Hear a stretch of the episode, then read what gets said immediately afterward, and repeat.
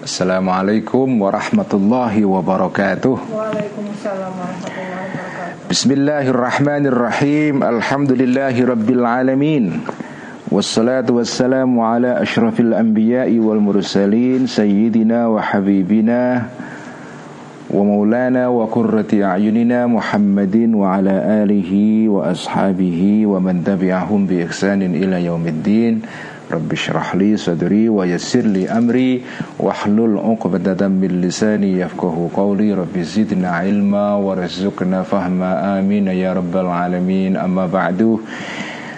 Teman-teman semua para santri online yang saya cintai Mari ngaji kitab Mishkatul Anwar Seperti biasa setiap malam Rabu ya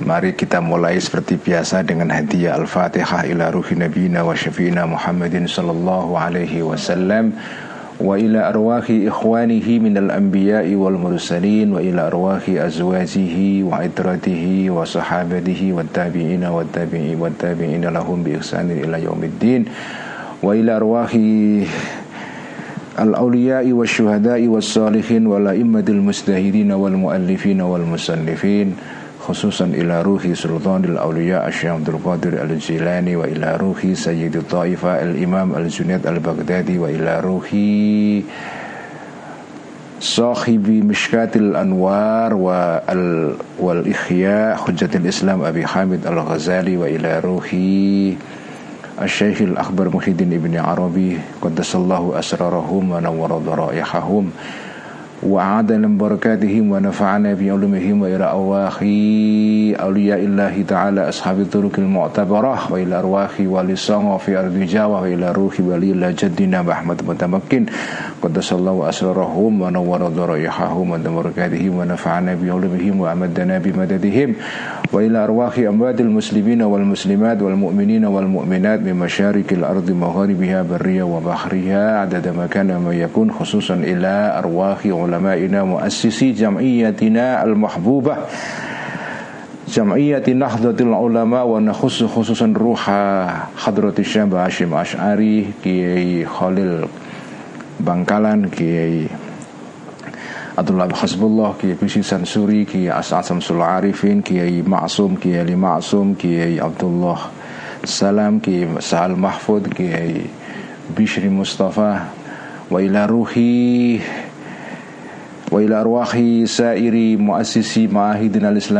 ardi Jawa ghafarallahu dhunubahum wa uyubahum wa yu'li darajatim wa ila arwahi abaina wa ummahatina wa ajdadina wa jaddadina wa nakhusu ruha abiki Abdullah Rifai wa ruha umminya Salamah wa ruha umminya Fatimah. Wa ila ruhi sadiqina adik ipar dari Kiai Akram uh, Haji Asmuni bin Haji Bakri ghafarallahu dhunubahu wa satara uyubahu wa ya'li darajatihi syai'ul lillahi lahum jami'al fatihah أعوذ بالله من الشيطان الرجيم بسم الله الرحمن الرحيم الحمد لله رب العالمين الرحمن الرحيم مالك يوم الدين إياك نعبد وإياك نستعين اهدنا الصراط المستقيم صراط الذين أنعمت عليهم غير المغضوب عليهم ولا الضالين آمين قال المؤلف بسم الله الرحمن الرحيم قال المؤلف رحمه الله تعالى ونفعنا به وبعلومه في الدارين آمين ربي يسر وأعين Kitab Mishkatul Anwar halaman 115 wa ta'ifatun thalithatun ya. Jadi ini adalah kelanjutan dari keterangan minggu yang lalu tentang sekelompok orang-orang yang terhijab karena kegelapan ya. Nah, ada yang dihijab karena kegelapan yang bersifat khissiyah ya zulmah al khissiyah ya yaitu kegelapan yang bersifat hissi yang bersifat kasat mata yang bisa diindera. Karena kegelapan itu kan ada kegelapan yang bisa dilihat dengan mata ya. Ada kegelapan yang bersifat maknawi tidak bisa dilihat dengan mata ya.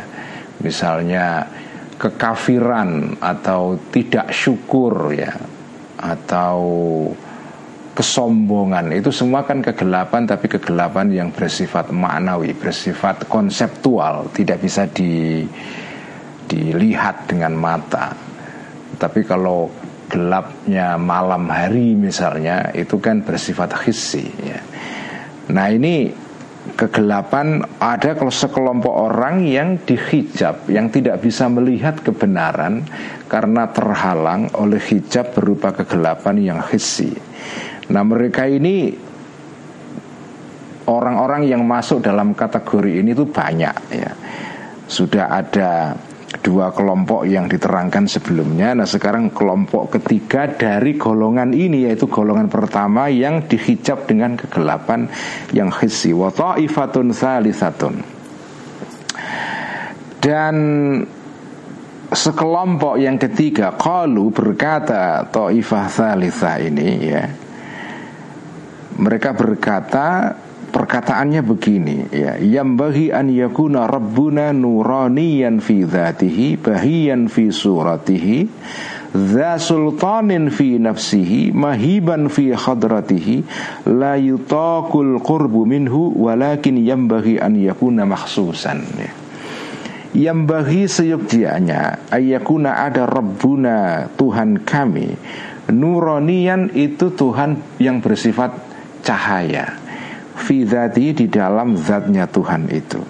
Bahian yang yang cemerlang yang yang baik yang bagus yang yang indah ya. Fi surati di dalam surah di dalam gambarnya uh, Rabbuna itu. Surah di sini artinya forma ya. Forma itu bentuk ya karena setiap barang itu ada bentuknya dan juga ada uh, materinya ya. Misalnya kursi itu materinya berupa kayu, tetapi kayu itu kan bisa dibentuk macam-macam. Begitu dibentuk menjadi meja, maka kayu, materi kayu itu punya surah ya, punya bentuk berupa meja ya. Sesuatu itu berub menjadi sesuatu itu karena surahnya. Karena kalau dia belum punya surah, belum punya bentuk, ya dia hanya barang mentah saja. Dia kayu gelondongan atau batu sebelum dijadikan ake itu kan ya batu-batu saja. Begitu sudah di di apa di uh, diolah ya, kemudian jadi ake tertentu dengan model tertentu misalnya, ah, itu ake itu namanya surah ya segala sesuatu itu menjadi sesuatu karena surohnya, karena formanya, karena bentuknya. Ya. Nah Tuhan ini bentuknya ini indah ya apa uh, cantik dan indah dan ya indah ya. Za sultanin yang memiliki kekuasaan fi nafsi di dalam dirinya Rabbuna ini mahiban ditakuti fi hadrati di dalam hadrahnya di dalam kehadirannya Rabbuna ini. La yutaku tidak bisa di tidak tidak dimampui atau tidak mampu ya al-qurbu pendekat minhu terhadap rebuna ini. Walakin yang bagi. Nah, jadi ini kelompok ketiga ini mereka punya konsepsi ketuhanan. Konsepsi mereka tentang Tuhan itu Tuhan yang bersifat nuroni, bersifat cahaya. Artinya bukan Tuhan yang apa ya yang punya materi ya seperti berhala itu kan tidak ya jadi ini Tuhan yang bersifat nurani cahaya. Ini kelompok ketiga sebetulnya rujukannya kepada orang orang Zoroaster atau orang-orang orang-orang di Persia, orang-orang yang berada di Persia. Jadi kemarin kan kelompok pertama ini orang Arab, kelompok kedua itu adalah orang Yunani, orang Turki, orang Yunani ya. Orang ketiga ini adalah orang-orang Persia yang konsep ketuhanannya itu adalah Tuhan sebagai cahaya karena orang-orang Persia itu mengikuti satu konsepsi ketuhanan yang bersifat dualistik ya. Tuhan itu dua, ada Tuhan cahaya, ada Tuhan kegelapan ya. Jadi itu yang disebut dengan kelompok Manikean itu ya, Manikeanisme atau Athanawiyah. Orang-orang yang mengikuti pandangan bahwa Tuhan itu bersifat dua, yaitu Tuhan cahaya dan Tuhan kegelapan ya. Nah ini orang-orang Persia. Atau orang-orang Zoroaster ya. Orang Zoroaster itu kan ya sama. Mereka, tidak mengikuti konsepsi atau pandangan ketuhanan yang dualistik tetapi Tuhan itu digambarkan sebagai cahaya. Jadi ini ya kita tahu Al Ghazali ini kan orang yang seorang yang lahir dan tinggal di Persia. Jadi beliau sangat tahu tentang tradisi dan apa ya pandangan ketuhanan yang berkembang di masyarakat Persia pra-Islam ya. Nah ini orang-orang jenis ketiga ini mereka punya pandangan bahwa Tuhan itu cahaya. Artinya Tuhan itu tidak punya materi. Tuhan itu tidak. Artinya kalau pandangan mereka ini berhenti di sini sebetulnya itu sudah tepat karena mereka tidak membayangkan Tuhan itu sebagai sesuatu yang material itu ya sesuatu yang ada bendanya kayak berhala begitu. Nah cuma mereka jadi mereka ini menggambar mereka punya pandangan Tuhan itu seharusnya berupa cahaya bentuknya indah punya kekuasaan dalam dirinya dan punya apa ya punya kehadiran yang menimbulkan kegentaran itu ya. Mahiban fi hadrati. Jadi Tuhan itu saking hebatnya sehingga orang yang hadir di dekatnya itu takut karena kehebatan karena majestinya Tuhan ini ya. Dan tidak mungkin didekati karena Tuhan itu Tuhan yang maha agung yang menggentarkan orang yang ingin mendekati dia. Nah cuma kelompok ketiga ini tidak berhenti di sana. Mereka kemudian berpandangan walakin bagi tetapi seyogianya an yakuna ada Tuhan ini Rabbuna mahsusan itu bisa diindera. Jadi memang ini memang unik ya. Manusia itu memang selalu cenderung menggambarkan Tuhan itu dengan gambaran-gambaran yang bersifat apa ya dalam istilah teologi itu disebut dengan bersifat antropomorfis, antropomorfis ya. Artinya Tuhan yang menyerupai makhluknya, menyerupai, menyerupai manusia ya. Yang diserupakan karena itu disebut dengan tasbih itu. Karena manusia itu memang ketika menggambarkan Tuhan itu Tuhan yang abstrak sama sekali, Tuhan yang transenden sama sekali, total itu ya itu dia kesulitan itu untuk menggambarkan Tuhan itu ya. Karena itu tasbih ya, kecenderungan untuk menyerupakan Tuhan dengan ciptaan-ciptaannya, kecenderungan untuk menurunkan derajat Tuhan dari langit abstraksi yang tidak bisa dicerna sama sekali kepada bumi apa bumi tasbih ya bumi antropomorfisme yaitu bumi artinya bumi di sini Tuhan diturunkan ke tingkat yang lebih rendah yang diserupakan dengan makhluknya sehingga manusia itu bisa mencerap, bisa memahami itu. Jadi jadi manusia ini yang kelompok ketiga ini dia tahu Tuhan itu transendental. Tetapi Tuhan yang transendental ini susah difahami sehingga harus diturunkan ke bumi harus mahsus itu ya. Itulah makna karena tidak ada makna. Lighairil maksusi kepada atau bagi sesuatu yang tidak bisa dicerna Bisa diindra Indahum bagi bagi kelompok ketiga ini. Thumma wajadu Kemudian menemukan mereka ini Annara Abi bihadi sifati di dalam sifat seperti ini Yaitu sifat yang mahsusa Jadi kelompok ketiga ini menggambarkan Tuhan itu cahaya ya. Cuma cahaya ini cahaya yang abstrak ya, susah difahami. Nah mereka kepingin Tuhan ini bisa di digambarkan dalam bentuk yang visual, yang terlihat, yang mahsus. Nah makhluk Allah yang paling mendekati gambaran seperti itu itu ya api. Makanya api itu dianggap sebagai Tuhan. Nah ini kan orang Zoroaster ini orang orang atau orang majusi ya orang majusi ini. Ya orang Zoroaster sebetulnya ya orang Zoroaster. Jadi ini ini kritiknya Al Ghazali terhadap agama Zoroaster ya.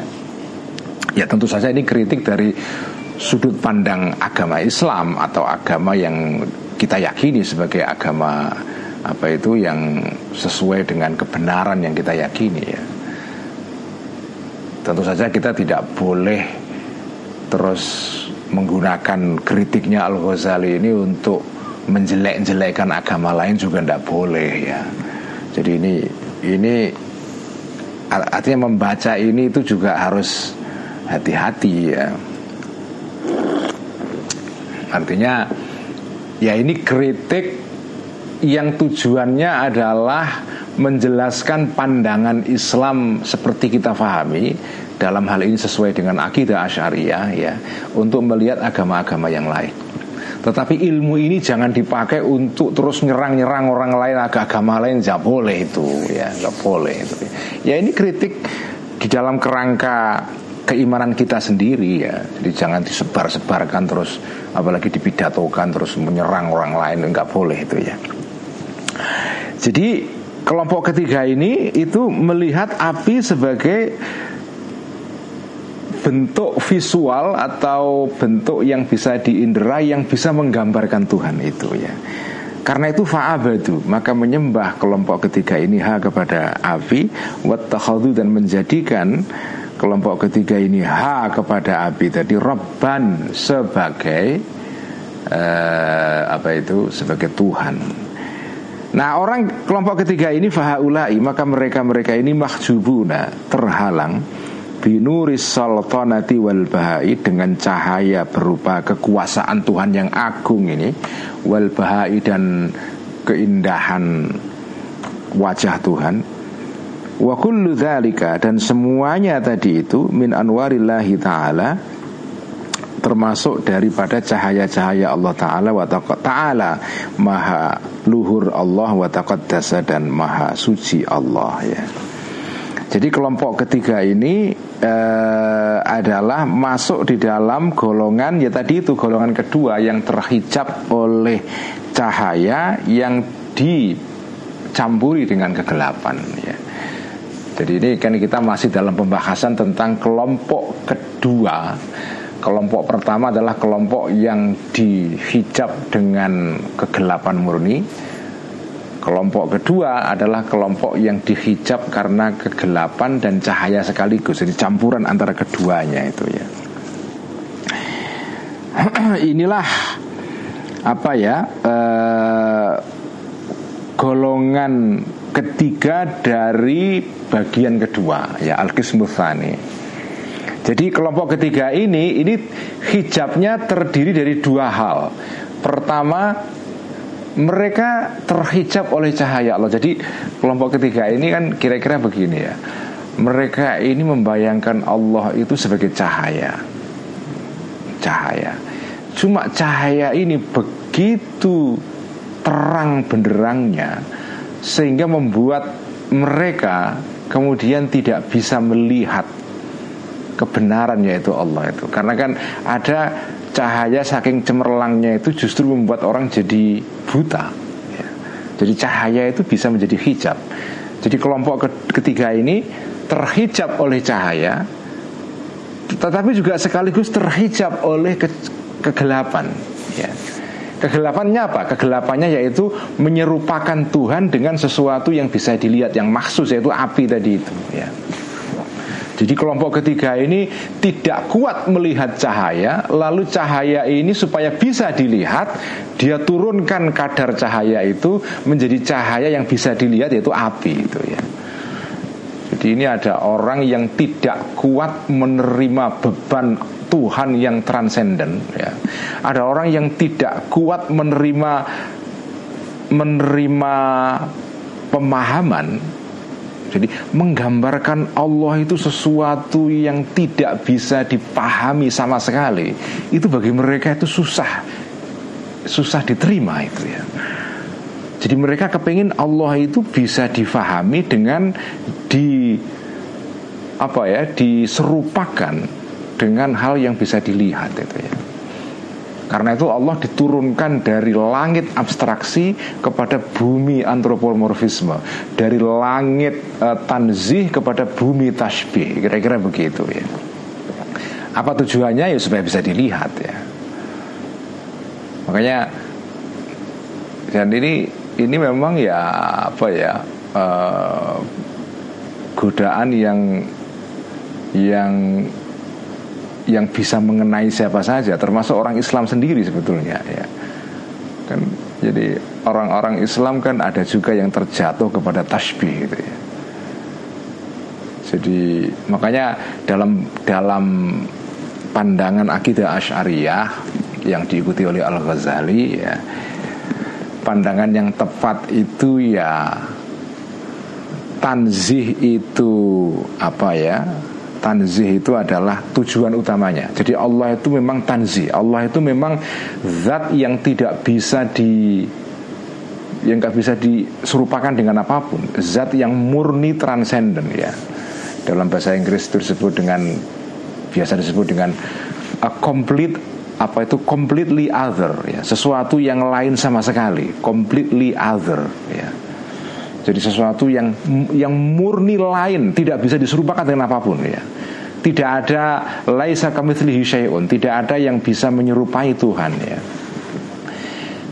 Nah, tetapi kadang-kadang di dalam Al-Qur'an itu ada hal-hal, ada ayat-ayat yang maknanya itu mengarah kepada tasbih ya. Misalnya Allah itu digambarkan di Quran sebagai yang punya tangan ya punya wajah. Itu kan menyerupakan Tuhan dengan uh, apa? Dengan makhluknya ya. Nah pandangan Ash'ariyah yang diikuti oleh Al-Ghazali dan yang diikuti oleh sebagian besar warga Nahdlatul Ulama itu NU ya Itu kalau ada ayat-ayat yang mengarah kepada tasbih seperti itu Maka harus ditakwil ya harus ditakwil, harus dimaknai secara majazi ya. Wajah di situ bukan makna yang sejati tetapi makna majazi, makna metaforis ya. Wajah di situ artinya keagungan Tuhan. Tangan artinya kekuasaan Tuhan, bukan tangan dalam pengertian tangan yang ada seperti tangan manusia ada organnya seperti itu enggak itu ya jadi akidah Asy'ariyah itu memang akidah yang sangat menekankan aspek tanzih ya. Cuma tanzihnya akidah Asy'ariyah itu tidak sampai kepada tanzihnya orang Mu'tazilah. Tanzihnya orang Mu'tazilah itu begitu rupa sehingga sampai menafikan adanya sifat dari Allah itu.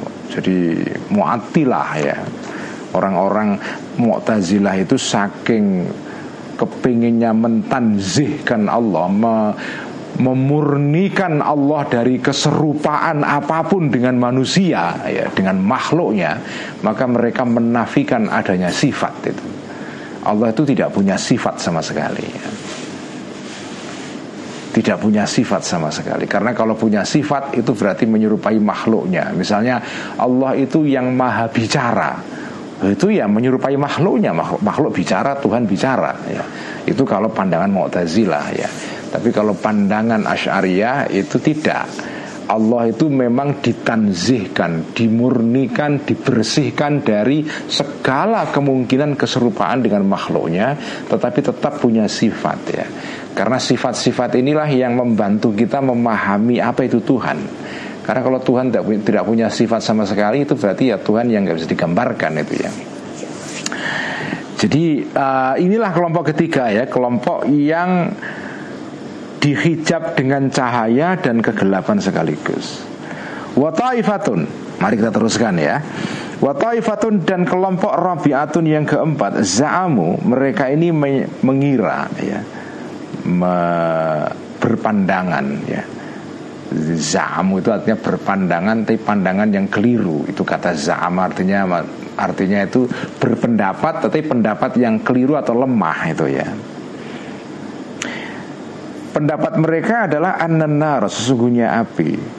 Nastauli berkuasa kita manusia maksudnya alaiha terhadap api.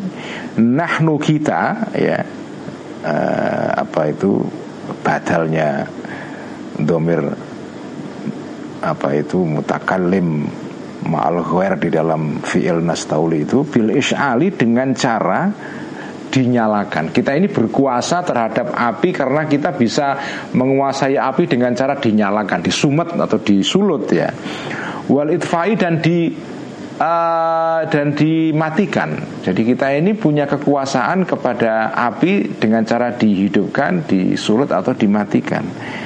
Karena api itu di bawah kekuasaan kita manusia Fahiyah maka api ini tahta tasarrufina Itu berada di bawah kekuasaan kita. Karena itu falatas luhu maka tidak layak api ini lil ilahiyati kepada sifat ketuhanan. Jadi kelompok keempat ini menolak pandangan kelompok ketiga sebelumnya. Tidak mungkin api itu jadi Tuhan Kenapa? Karena api itu bisa dikuasai manusia dengan cara disulut ataupun dimatikan. Artinya kalau dia Tuhan, masa Tuhan di bawah kekuasaan manusia? Balma yakunu balma sebaliknya ma sesuatu yakunu yang ada ma itu bihadis sifati dengan sifat-sifat seperti ini yaitu sesuatu yang bisa di, dikuasai manusia walam yakun dan tidak ada ma ini tahta tasarrufina ya itu berada di bawah kekuasaan kita. Thumma nakunu Kemudian ada kami kita manusia Nahnu kita Tahta tasarrufihi uh, Itu berada di bawah kekuasaan ma tadi itu Wayakunu dan ada ma tadi itu ma'adzalika bersama sifat tadi itu eh, nahnu nahnu itu disifati mausufan disifati bil uluwi dengan sifat keunggulan, ketinggian ya wal irtifai dan keagungan ya. Thumakana kemudian ada al masyhuru yang terkenal yang masyhur fima di antara apa ya di antara sesuatu atau pengertian ya atau ilmu bainahum di antara mereka ini kelompok keempat ilman nujumi adalah ilmu perbintangan atau ilmu apa ya astrologi gitu ya. Jadi astronomi lama itu astronomi tradisional yaitu astrologi yang menganggap bahwa bintang-bintang itu punya pengaruh kepada manusia ya. Ini kan ilmu astrologi itu kan itu kan ilmu yang punya asumsi atau punya pandangan bahwa segala hal yang ada di bumi ini itu ada kaitannya dengan gerak-gerik bintang-bintang di langit ya. Astrologi itu ya. Dan bekas-bekasnya sampai sekarang masih ada yaitu ilmu horoskop itu ya ilmu perbintangan itu. Misalnya ada apa itu ya? Zodiak. Nah, ada zodiak gitu ya. Ada zodiak apa Capricorn Capricornus Aquarius ada Aries ada Sagittarius ada macam-macam itu kan. Ada 12 zodiak dalam setahun. Dan zodiak itu kan menggambarkan konstelasi bintang di angkasa Nah, bintang-bintang di angkasa itu itu gerak-gerik mereka itu berpengaruh dalam pandangan kelompok keempat ini terhadap kehidupan di bumi. Karena itu menurut menurut kelompok keempat ini yang layak jadi Tuhan itu ya bintang-bintang itu, bukan api gitu ya. Nah ini adalah kelompok keempat ini adalah kelompok yang kalau di dalam bahasa Al-Quran ini orang sobiun ya jadi kelompok keempat ini kelompok sabean atau kelompok sobiun yaitu sekelompok orang-orang yang mengikuti agama seperti ini yang berada di kawasan Syria dan Lebanon sekarang ya. Dan sampai sekarang masih ada sebagian dari pewaris mereka itu. Sebagian ada di Irak ya. Sebagian ada di Irak ya. Jadi ini rujukannya adalah kepada kelompok as-sobiun ya. Kalau yang kelompok ke kelompok ketiga itu kelompok majusi ya.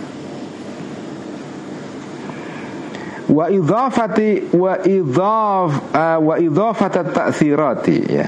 Dan apa itu? Bukan wa idhafati itu yang benar wa idhafata karena diatafkan kepada kepada kepada ilmu nujumi.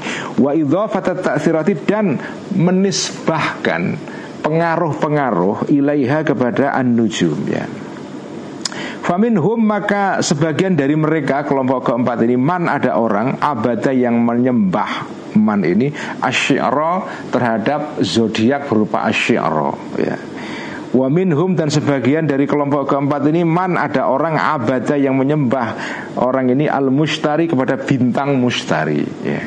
Ila ghairi kepada selain tadi itu syi'ro dan al mustari minal kawakibi berupa bintang-bintang hasaba ma'taqaduhu sesuai dengan apa ya taqadu yang menekatkan orang-orang ini hu kepada mafin nujumi di dalam bintang-bintang min kasrati ta'thirati berupa banyaknya pengaruh-pengaruh bintang itu kepada kehidupan di bumi ya. Jadi orang-orang ke kelompok keempat ini menganggap bintang bintang yang layak dijadikan bintang itu adalah yang layak dijadikan Tuhan itu bukan api. Karena api itu bisa dikuasai manusia itu ya. Bisa dikuasai manusia. Jadi kan tadi Tadi kan dikatakan dalam bagian sebelumnya Kelompok ketiga itu menganggap Tuhan itu seharusnya berupa cahaya Nah cuma cahaya Tuhan itu cahaya yang tidak bisa digambarkan Karena terlalu jauh Karena itu kalau mau menggambarkan Tuhan yang dekat dengan manusia itu ya api Karena itu api dijadikan Tuhan ya Nah kelompok keempat mengatakan sama Tuhan itu seharusnya cahaya juga ya. Cuma cahaya yang tidak bisa dikuasai manusia. Karena kalau api itu cahaya yang masih bisa dikuasai manusia. Yaitu apa? Bisa dihidupkan, bisa dimatikan. Ya, Teplok, lampu teplok misalnya ya, Itu bisa dihidupkan, bisa disumet, bisa dimatikan. Artinya kalau cahaya seperti itu kok dijadikan Tuhan tuh nggak masuk akal jadi karena itu kelompok keempat ini ingin mengoreksi pandangan kelompok ketiga itu ya. Bagi mereka memang Tuhan itu cahaya. Cuma cahaya yang walam yakun tahta tasarrufina. Jadi sesuatu yang tidak mungkin berada dalam kekuasaan kita. Karena kita kan nggak bisa menyebul Atau menghidupkan bintang atau mematikan bintang kan nggak bisa Bintang itu ya jauh di atas sana. Kita nggak nggak berkuasa sama sekali kepada mereka. Kita nggak bisa nyumet nyumet lintang ataupun nyebul atau mematikan lintang. Nggak bisa itu ya. Jadi cahaya berupa bintang itu jauh lebih layak dijadikan sebagai Tuhan ini ingat ya kisah Nabi Ibrahim ketika seperti digambarkan dalam Al-Quran dalam surat Al-An'am itu ya. Ketika Nabi Ibrahim mencari kebenaran itu. Itu kan Nabi Ibrahim pernah me melewati satu fase ketika Nabi Ibrahim itu punya kesimpulan bahwa bintang-bintang itu Tuhan. Dalam proses perjalanannya. Kemudian Nabi Ibrahim sadar itu salah, kemudian dikoreksi sendiri ya.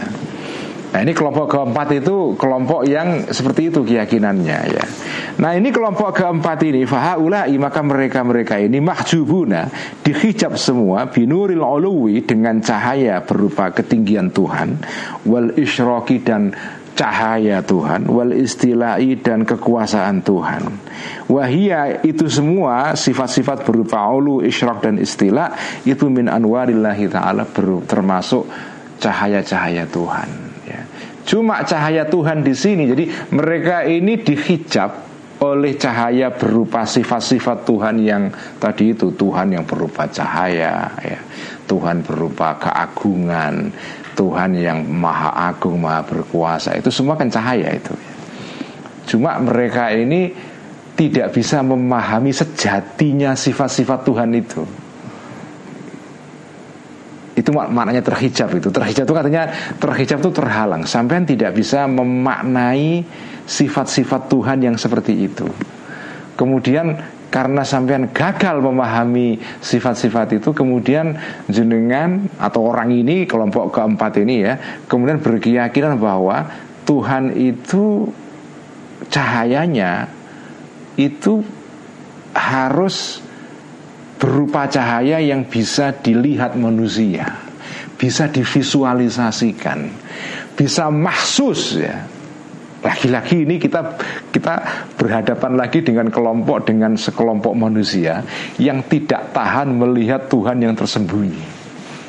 Tuhan harus dinampakkan dalam bentuk sesuatu yang material. Apa? Bintang itu ya. Nah inilah hijab kedua Jadi hijabnya itu berupa cahaya dan kegelapan sekaligus. Kegelapan di sini apa? Sesuatu yang material, sesuatu yang ada fisiknya berupa bintang-bintang itu. Bintang itu memang bercahaya, tapi sejatinya dia kegelapan karena dia berupa materi. Karena setiap materi itu gelap pada dasarnya. Yang bercahaya murni itu ya ya Allah Subhanahu wa taala ya materi-materi semua itu sesuatu yang ada wujud fisiknya itu pada dasarnya gelap ya gelap gelap dalam pengertian tidak tembus cahaya ya dalam bahasa Inggris itu ada istilahnya opaque ya. Opaque itu tidak transparan ya. Ini kelompok keempat. Wataifatun ya. Ini, ini yang keempat ini adalah orang-orang sabiin ya. Wa dan kelompok yang wa, dan kelompok khamisatun yang kelima saadat ya. Bersepakat atau membantu kelompok kelima ini. Haulai uh, kepada mereka-mereka yaitu mereka kelompok keempat tadi itu atau kelompok ketiga fil makhodi di dalam sum, di dalam dasar di dalam dasar argumennya, dalam dasar dalilnya dalam sumber pengambilan dalam pengertian dalam dalilnya. Jadi kelompok kelima ini sepakat dengan kelompok ketiga dan keempat dalam hal makhosnya, dalam hal paradigmanya, asumsi dasarnya, yaitu apa? Tuhan itu harus berupa cahaya. Jadi yang bagi an yakuna rabbuna rabbanian, uh, nuranian. Ini asumsinya. Jadi kelompok kelima ini sama dengan kelompok ke tiga dan keempat mereka punya asumsi Tuhan itu sudah seharusnya berupa cahaya. Karena cahaya itu kan apa ya sesuatu yang indah sempurna dan layak itu sebagai sifat Tuhan ya. Walakin tetapi kalat berkata kelompok kelima ini layam bagi tidak tidak seyogianya tidak layak ya an yakuna ada rabbuna Tuhan kami Mausuman itu disifati Bisigori dengan Sifat kekecil Kekecilan atau keke, kecil maksudnya. Wal kibari dan besar. Sebetulnya Makna harafiahnya itu Sigor itu bukan kecil. Karena kalau kecil itu Bahasa Arabnya sohirun Kata sifat ya. Sigor itu masdar. Jadi makna yang paling tepat secara harafiah itu kekecilan ya. Smallness ya smallness kekecilan. Bukan kekecilan dalam bahasa Jawa kecilian itu bukan. Kekecilan itu sesuatu yang kecil itu ya. Fakt apa eh, ke, keadaan sesuatu itu kecil itu namanya kekecilan itu ya. Wal kibari dan kebesaran ya. Greatness ya smallness and greatness ya. Tuhan itu tidak layak disifati kecil atau besar. Bintang kecil ya atau segala macam uh, atau ya Tuhan itu harus lepas dari sifat-sifat kecil dan besar seperti itu ya. Bil idhafati dalam kaitannya ilal jawahiri kepada substansi-substansi an yang berupa yang bersifat cahaya ya. Jadi bintang itu ya cahaya cuma dia cahaya yang yang kecil ya ada juga bintang yang besar juga. Jadi bintang itu kan bergradasi ya. Ada yang ada yang bintang kejora yang tampak pada kita lebih kelihatan besar ya. Ada yang bintang yang kecil dan seterusnya. Jadi Tuhan itu cahaya tetapi dia tidak layak diserupakan atau divisualisasikan dalam bentuk bintang-bintang yang yang tadi itu ada yang kecil, ada yang besar dan seterusnya ya. Bal bagi seba, seba, sebaliknya seyugianya an yakuna ada Tuhan itu akbaroha paling besar di antara seluruh jawahir nuroniyah ini. Jadi kalau disuruh kalau divisualisasikan digambarkan dalam bentuk bintang itu tidak layak. Karena sebesar besar bintang itu tetap ada bintang lain yang lebih besar yaitu apa matahari ya. karena itu fa'abadu maka menyembah orang-orang kelompok kelima ini asyamsa matahari Tuhan mereka adalah matahari ya. Waqalu dan berkata mereka-mereka ini Hia matahari ini akbaru lebih besar dari seluruh bintang-bintang yang ada Jadi mau bintang kecil mau bintang besar Semua itu sama Lebih kecil dibandingkan dengan matahari Nah kelompok kelima ini Fahaulai Maka kelompok mereka kelompok kelima ini Mahjubuna Dihijab semuanya Binuril kibriyai dengan cahaya Berupa kebesaran Tuhan ya. Ma'abakiyatil anwari bersama se, se, uh, selebihnya atau uh, semua bersama apa itu uh, seluruh cahaya-cahaya yang tersisa makrunan dalam keadaan dibarengi ya bizul matil hissi ya jadi hijabnya ini atau nuril kibria ini ya makrunan dalam keadaan dibarengi bizul matil hissi dengan kegelapan berupa his yaitu indera ya. jadi kelompok kelima ini ini juga punya kelemahan sama dengan kelompok ketiga dan keempat. Mereka punya gambaran tentang Tuhan yang bercahaya ya. Tetapi mereka tidak bisa memahami hakikat cahaya Tuhan itu karena itu terhijab artinya. Kemudian cahaya Tuhan ini digambarkan oleh kelompok kelima ini dalam bentuk yang mahsus, yang bisa dilihat. Sebagaimana kelompok ketiga menggambarkan Tuhan dalam bentuk api, itu juga mahsus, bisa dilihat.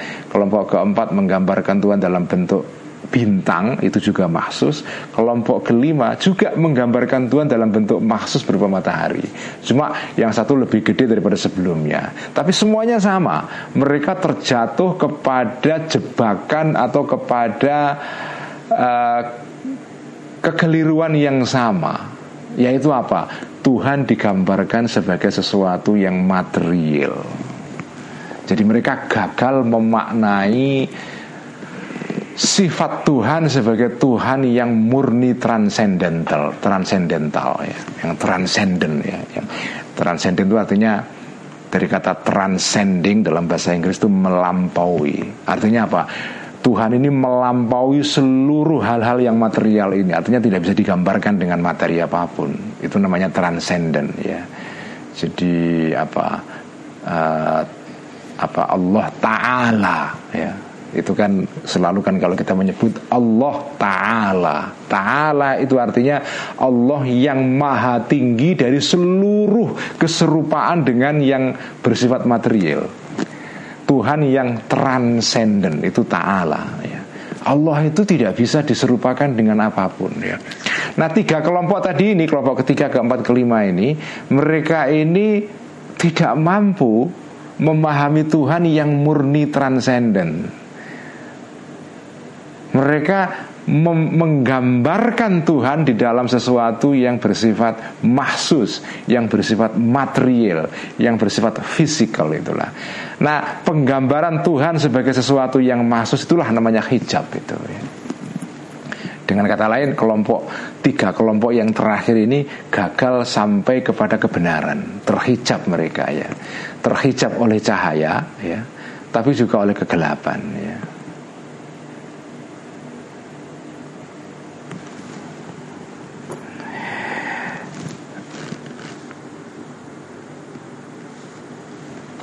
Oke, kita teruskan ya. Uh, atau berhenti dulu deh. Ini sudah sudah cukup bikin pusing ini ya. Uh, tiga saja cukup malam ini. Kita teruskan minggu depan. Jadi inilah inilah uh, apa ya uh, seperti saya katakan sebelumnya inilah cara Imam Ghazali mengartikan hadis yang yang sudah kita baca sebelumnya tentang Allah yang punya hijab berjumlah 70 wakila itu 7, 700 wakila 70 ribu ya. Jadi Allah itu dengan kata lain begini ya. Allah itu memang ya sesuatu yang gaib ya. Karena itu banyak orang yang gagal memahami Tuhan itu ya. Jadi itulah maknanya hijab itu. Hijab dalam pengertian Allah itu gagal difahami oleh makhluknya. Ya. Gagal difahami oleh makhluknya karena terhijab, ya, karena terhalang. Nah, halangan-halangan ini yang harus disingkirkan supaya kita bisa sampai kepada pemahaman yang tepat tentang Allah Subhanahu wa taala ya. Tentu saja tafsirnya Al-Ghazali terhadap hadis hijab ini ya tafsir berdasarkan apa ya pandangan Al-Ghazali sebagai pengikut akidah Asy'ariyah ya. Ya pengikut akidah yang lain dalam Islam misalnya akidah Mu'tazilah atau akidah ya misalnya akidah Ahlul Hadis misalnya mungkin nggak sepakat dengan tafsirannya Al-Ghazali ini ya. Tetapi Al-Ghazali sebagai pengikut akidah Asyariah tentu punya pandangan sendiri, tafsir sendiri tentang hadis ini dan saya kira tafsirnya ini sangat orisinal ya. Saya belum pernah menemukan tafsir yang uh, seperti ini terhadap hadis mengenai hijab ini. Jadi bagaimana Al-Ghazali ini mengkaitkan hadis hijab ini dengan Eh, pandangan-pandangan teologi dari kelompok-kelompok di luar Islam maupun dalam Islam sendiri ya. Jadi hijab ini juga dialami juga atau diderita juga atau menimpa juga orang-orang Islam juga ya. Karena kan orang Islam juga ada yang terjatuh kepada tasbih juga terjatuh kepada kecenderungan menyerupakan Allah dengan sesuatu yang material juga itu ya. Jadi jadi ini hadis ditafsiri oleh Al Ghazali dengan cara yang yang menarik dan unik ya. Jadi dan apa yang pelajaran yang bisa kita capai dari yang bisa kita peroleh dari dari keterangan Al Ghazali ini ya pelajaran yang paling penting adalah bahwa apa memahami Allah itu memahami Tuhan itu memang tidak mudah ya. Karena Allah itu misteri memang. Allah itu misteri itu. jadi tidak mudah ya. Ya syahadat asyhadu alla ilaha illallah wa asyhadu anna muhammadar rasulullah itu gampang diucapkan. Tetapi memahami Tuhan itu secara tepat itu tidak semua orang mampu itu ya banyak kelompok-kelompok atau orang-orang yang gagal memahami Tuhan terhalang dari pemahaman yang sejati tentang Tuhan karena mereka terkena hijab ya. Nah, makanya pelajaran dari sini ya ya kita harus berusaha terus-menerus ya. Berusaha terus-menerus memahami Tuhan secara tepat ya. Karena dengan pemahaman yang tepat mengenai Tuhan itu juga menentukan sikap kita yang tepat dalam dunia ini ya. Jadi pandangan kita mengenai Tuhan itu menentukan juga pandangan kita mengenai dunia, mengenai alam, mengenai hubungan kita dengan makhluk yang lain, dengan hewan, dengan tumbuh-tumbuhan dan seterusnya ya. Jadi kalau pandangan kita mengenai Tuhan itu tidak tepat, itu juga membuat sikap-sikap kita terhadap makhluk-makhluk Allah itu juga keliru itu ya. Jadi betapa pentingnya kita menata betul apa ya persepsi kita mengenai Tuhan, pandangan kita mengenai Tuhan ya. Itu itu itu harus harus diusahakan terus menerus ya. Ya jalan yang yang disediakan sudah disediakan ya, yaitu ya jalan memahami Tuhan lewat akidah asyariah seperti yang sudah kita jalani selama ini sebagai pengikut akidah asyariah ya. Ya tapi kalau ada yang mengikuti akidah yang lain yang di luar asyariah misalnya Maturidiyah ya monggo mawon. Tetapi saya sendiri sebagai orang yang tumbuh dalam keluarga NU dari kecil ya saya menerima akidah ini sebagai inilah jalan yang saya anggap paling tepat untuk memahami eh, ketuhanan itu ya. Tetapi seperti kita baca dalam kitab Al-Mungkith Minad Dolal itu berdasarkan pengalaman personal Imam Ghazali ya akidah asyariah ini baru apa ya template ya baru template. Kira-kira ya itu seperti inilah seperti kalau jenengan jalan memakai Google Map ya. Akidah asyariah itu seperti peta saja peta peta yang masih abstrak ya. Nah peta Google Map itu kan baru jenengan bisa rasakan kalau sampai nyari jalan itu betul. Jenengan nyupir Kadang-kadang sudah ada Google Map itu kadang-kadang kita dapat jalan yang keliru. Sudah ditunjukin jalan yang dianggap paling tidak macet. Ya. Eh tahu-tahu jalannya kecil, mobil kita nggak masuk. kan kadang-kadang begitu kan. Jadi pengal Google Map itu memang ya peta yang mengarahkan kita kepada tujuan ya. Tapi peta ini masih belum bisa kita rasakan. Ini masih teori ya. Baru kalau kita rasakan itu kalau kita nyupir beneran, pegang setir, nyari alamat betulan. Oh ini jalannya besar. Oh ini jalannya agak rusak. Oh ini halus. Beloknya ternyata verboden. Itu kalau kita sudah jalani sendiri, sudah mengalami. Itulah namanya azau roso yang diceritakan oleh Imam Ghazali di dalam kitab Al-Mungkith Minat Dolal. Jadi peta tok nggak cukup ya.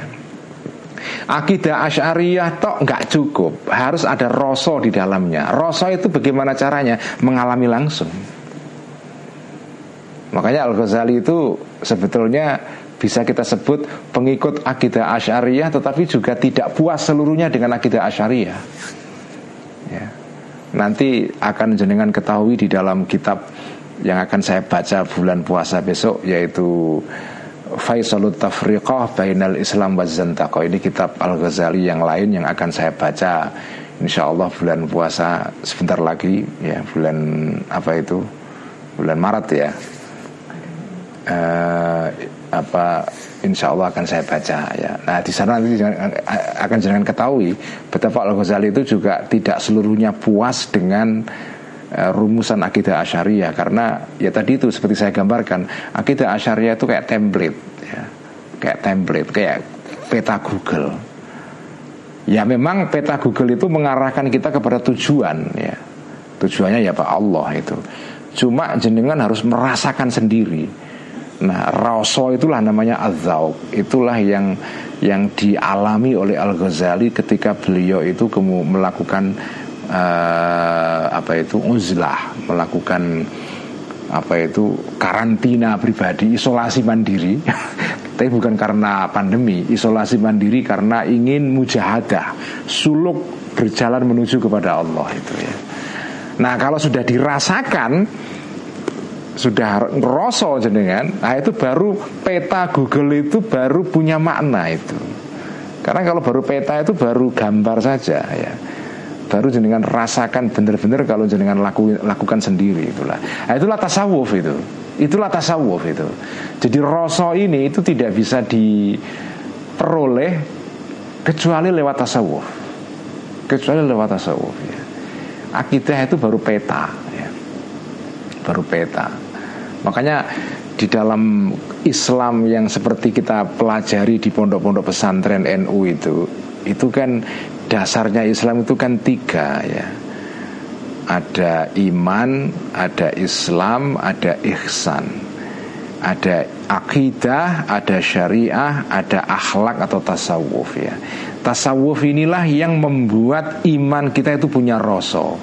Ibadah kita itu yang kita lakukan melalui syariat itu punya rasa ya. Kalau enggak, ya itu kayak peta Google yang hanya berupa gambar saja. Jenengan lihat peta Google itu tidak akan tahu kayak apa sih rupanya jalan yang ada dalam peta itu. Jalannya besar atau kecil, jalannya halus atau tidak, beraspal atau tidak. Ya. Kalau malam ada lampunya atau tidak, itu kan nggak ada keterangan dalam Google. Google paling ya jalan saja. Tapi misalnya malam hari ini jalannya ada listriknya nggak? Ini kita nggak tahu. Ya. Jalannya ternyata verboden, ya nggak tahu juga. Ya. Nah itu semua baru ketahuan ketika jenengan merasakan langsung Nah rasa itulah yang diberikan oleh jalan berupa tasawuf ya. Nah itu ya itu Nah kalau sudah sudah menggabungkan antara tiga hal ini iman, Islam, ihsan. Nah, itulah kita akan sampai kepada Allah dan kita tidak terhijab itu ya. Kita tidak terhalang itu. Hah, sekian ngaji Miskatul Anwar malam ini semoga kita dapat manfaat ya. Ya agak sedikit rumit memang tapi insya Allah uh, membantu kita untuk sedikit punya bayangan ya tentang bagaimana cara kita wusul atau sampai kepada Allah melalui jalan yang tepat ya. Sekian mari kita tutup ngaji Ihya eh, Ngaji Mishkat malam ini dengan bacaan Salawat Tibil Qulub. Allahumma salli ala Sayyidina Muhammadin Tibbil Qulubi Wa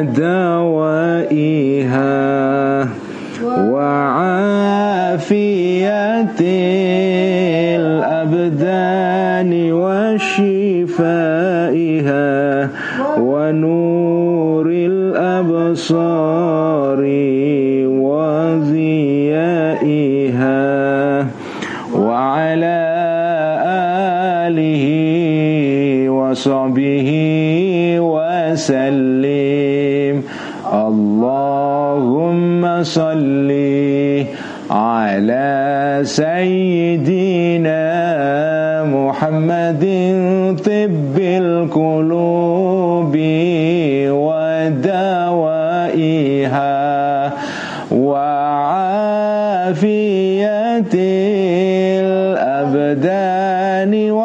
وشفائها ونور الأبصار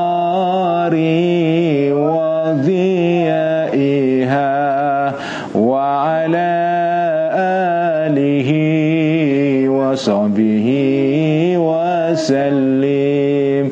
اللهم صل على سيدنا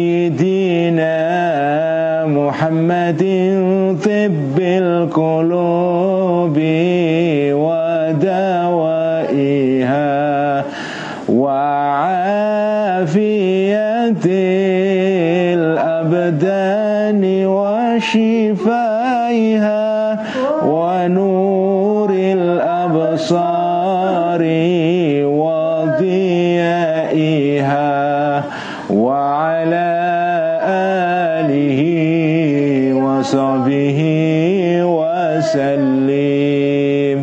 Sekian wassalamualaikum warahmatullahi wabarakatuh. Terima kasih.